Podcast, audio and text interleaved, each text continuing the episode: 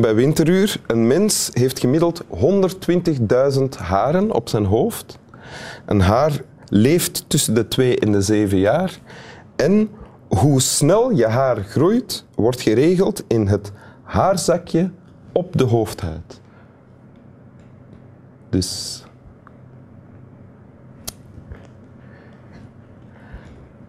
Weetjes.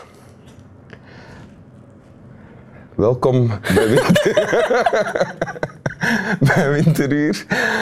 Um, mijn gast vandaag is de fantastische Maaike Neville. Hallo. Welkom in Winteruur, Maaike Neville. Dank u. Actrice, film, uh, tv- en toneelactrice. Mama van een kindje. Ook? Uh, een maker en regisseur van al drie films zelf ook. Ja, kortfilms wel nog maar. Ja, ja. ik hoopte dat je dat niet zou zeggen. Waarom? Films klinkt nog cooler. Ja, dat is waar, maar ja, misschien ooit wel nog films. Ja. Nu kort. Heb, er, heb je films in je hoofd uh, zitten? Ja. Ja? ja. Ah, Oké. Okay. Maar nog niet af, hè? Nee. Nee. nee. Oké. Okay. En je hebt ook een tekst mee? Ja. Uit dit dikke boek? Ja. Anna Karenina Anna van Karenina. Tolstoy. Yes. Je gaat meteen naar de laatste bladzijde, zie ik? Ja, omdat ik die gekozen heb. Mm -hmm. Dat is een goede reden. Wil je dat ik het voorlees? Heel graag.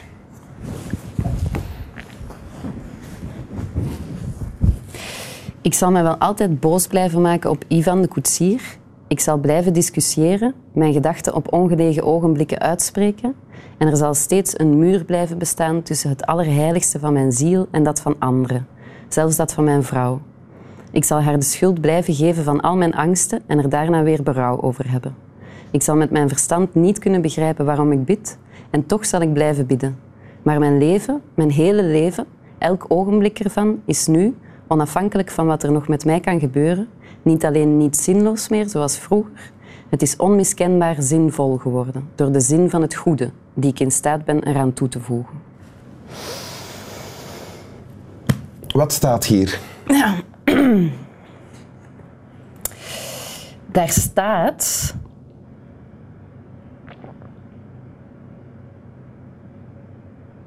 Dat zijn de gedachten van iemand. Van Lewin. Mm -hmm. En dat is een, een, personage in het boek. Dat, dat aan het woord is? Ja, aan het ja? woord ja, in zijn hoofd. Ja. Um, en dat is eigenlijk de, de, je zou kunnen zeggen, de stem van uh, Tolstoy zelf, heb ik iets gelezen. Mm -hmm. En hij heeft, heeft um, een beetje geleden in het boek een, een geloofservaring gehad. Mm -hmm. Hij heeft eigenlijk beseft, ik ga dat nu proberen te vertellen, maar dat is natuurlijk dat, dat is al in veel meer pagina's geschreven. Hè? Maar ik ga het proberen uit te leggen hoe dat ik het gelezen heb. Hij heeft eigenlijk beseft dat het niet zoveel zin heeft om alleen maar voor jezelf te leven. Of, of om, om, om uh, goedkeuring te krijgen van anderen. Of om uh, dingen te krijgen van andere mensen. Maar voor de ziel. Dat zo beschrijft hij het. Voor God. Ja. En dat staat hier ook en dat staat hier helemaal op het einde. Hij, hij dus... zegt, je moet mij corrigeren als ik me vergis, hij zegt ik zal wel blijven wie ik altijd geweest ja. ben, namelijk iemand die zich kwaad maakt en discussieert enzovoort. Ja. Uh, en ik zal ook blijven bidden, ja. maar daar is iets veranderd, want dat bidden en ook dat leven zal niet meer zinloos zijn, want er is iets anders gebeurd. Vanaf nu zal ik het zien als, als zinvol. Als zinvol door de zin van het goede. Ja. ja. Dus eigenlijk de zin van het goede. Dat is een beetje wat hij beseft heeft. Mm -hmm. Dat het hem veel meer voldoening geeft om, om voor het goede te leven, voor God, voor de ziel. Als ik dat dan lees, dan vertaal ik dat in liefde bijvoorbeeld. Want ik kan God... Ja, ik, ik heb daar niet zoveel mee met God. Mhm. Mm -hmm. Sorry. God. Ja. Maar liefde wel, dat, dat, begrijp ik dan. Dus als ik dat zo vertaal, dan, dan begrijp ik het wel. En dat is voor hem... Um, ja, daardoor is het leven ineens van helemaal zinloos naar helemaal zinvol geworden. En dat is de ervaring die, die, die hij op een bepaald moment heeft gekregen.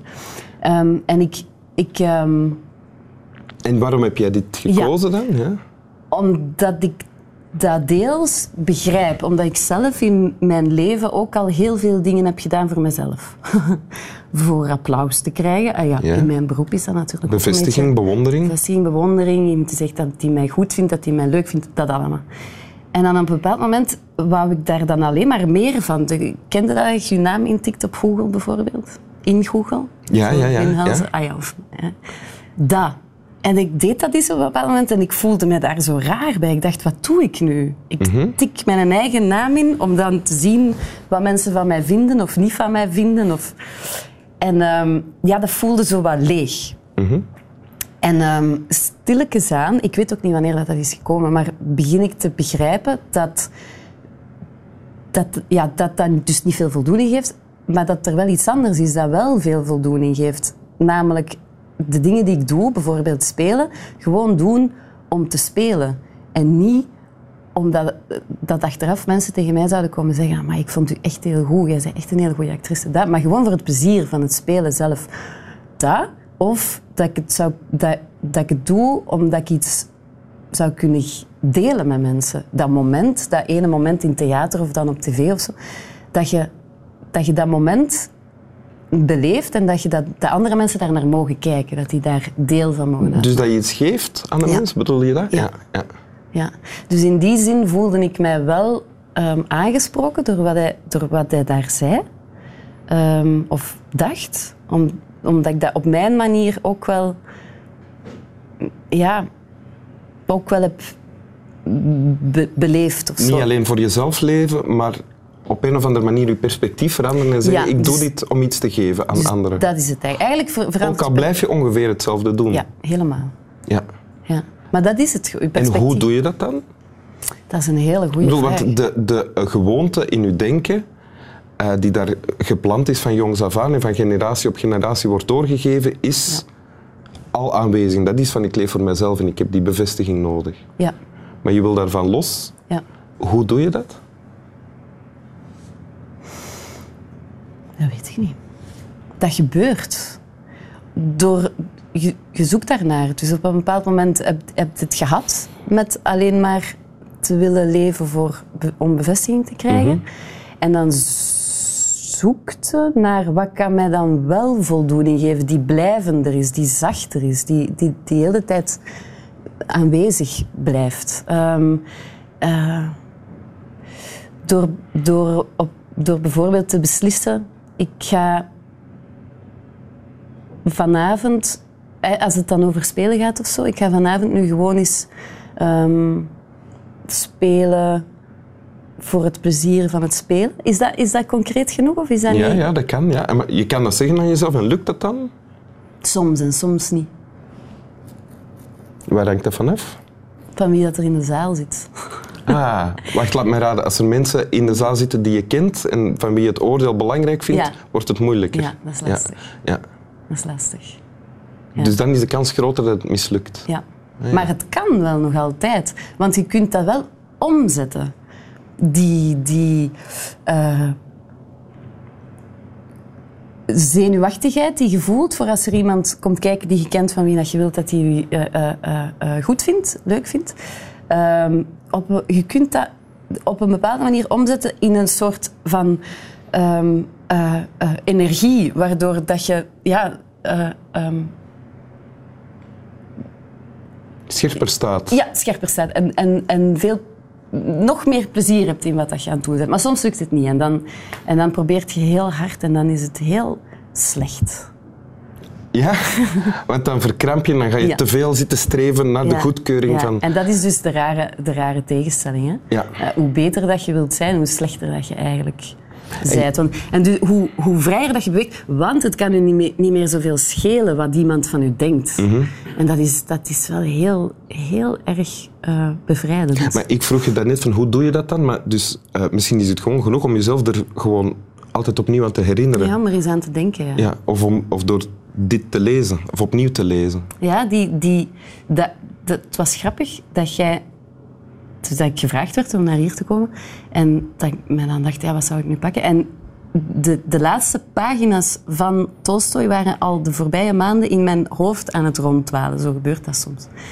Ehm, en, ehm, dus ja, dat is, dat, dat, dat is dan aanwezig of zo, die gedachte. Zonder dat ik weet, zonder dat ik precies weet. En zonder dat dat heel Ah, concreet ja. En is. de of zo. uitnodiging voor dit programma heeft dan gemaakt dat je het nog eens moet expliciteren. Dat eigenlijk. klopt, juist. Ah, ja. Maar dat is wel leuk dat jij, dat jij eigenlijk heel duidelijk zegt wat ik bedoel. Dat is een beetje mijn functie in het leven van veel mensen, denk ik. Ik ben blij dat jij hier zit en dat ik hier niet alleen zit met die hond. Ja, snap ik. Wil je het nog eens voorlezen?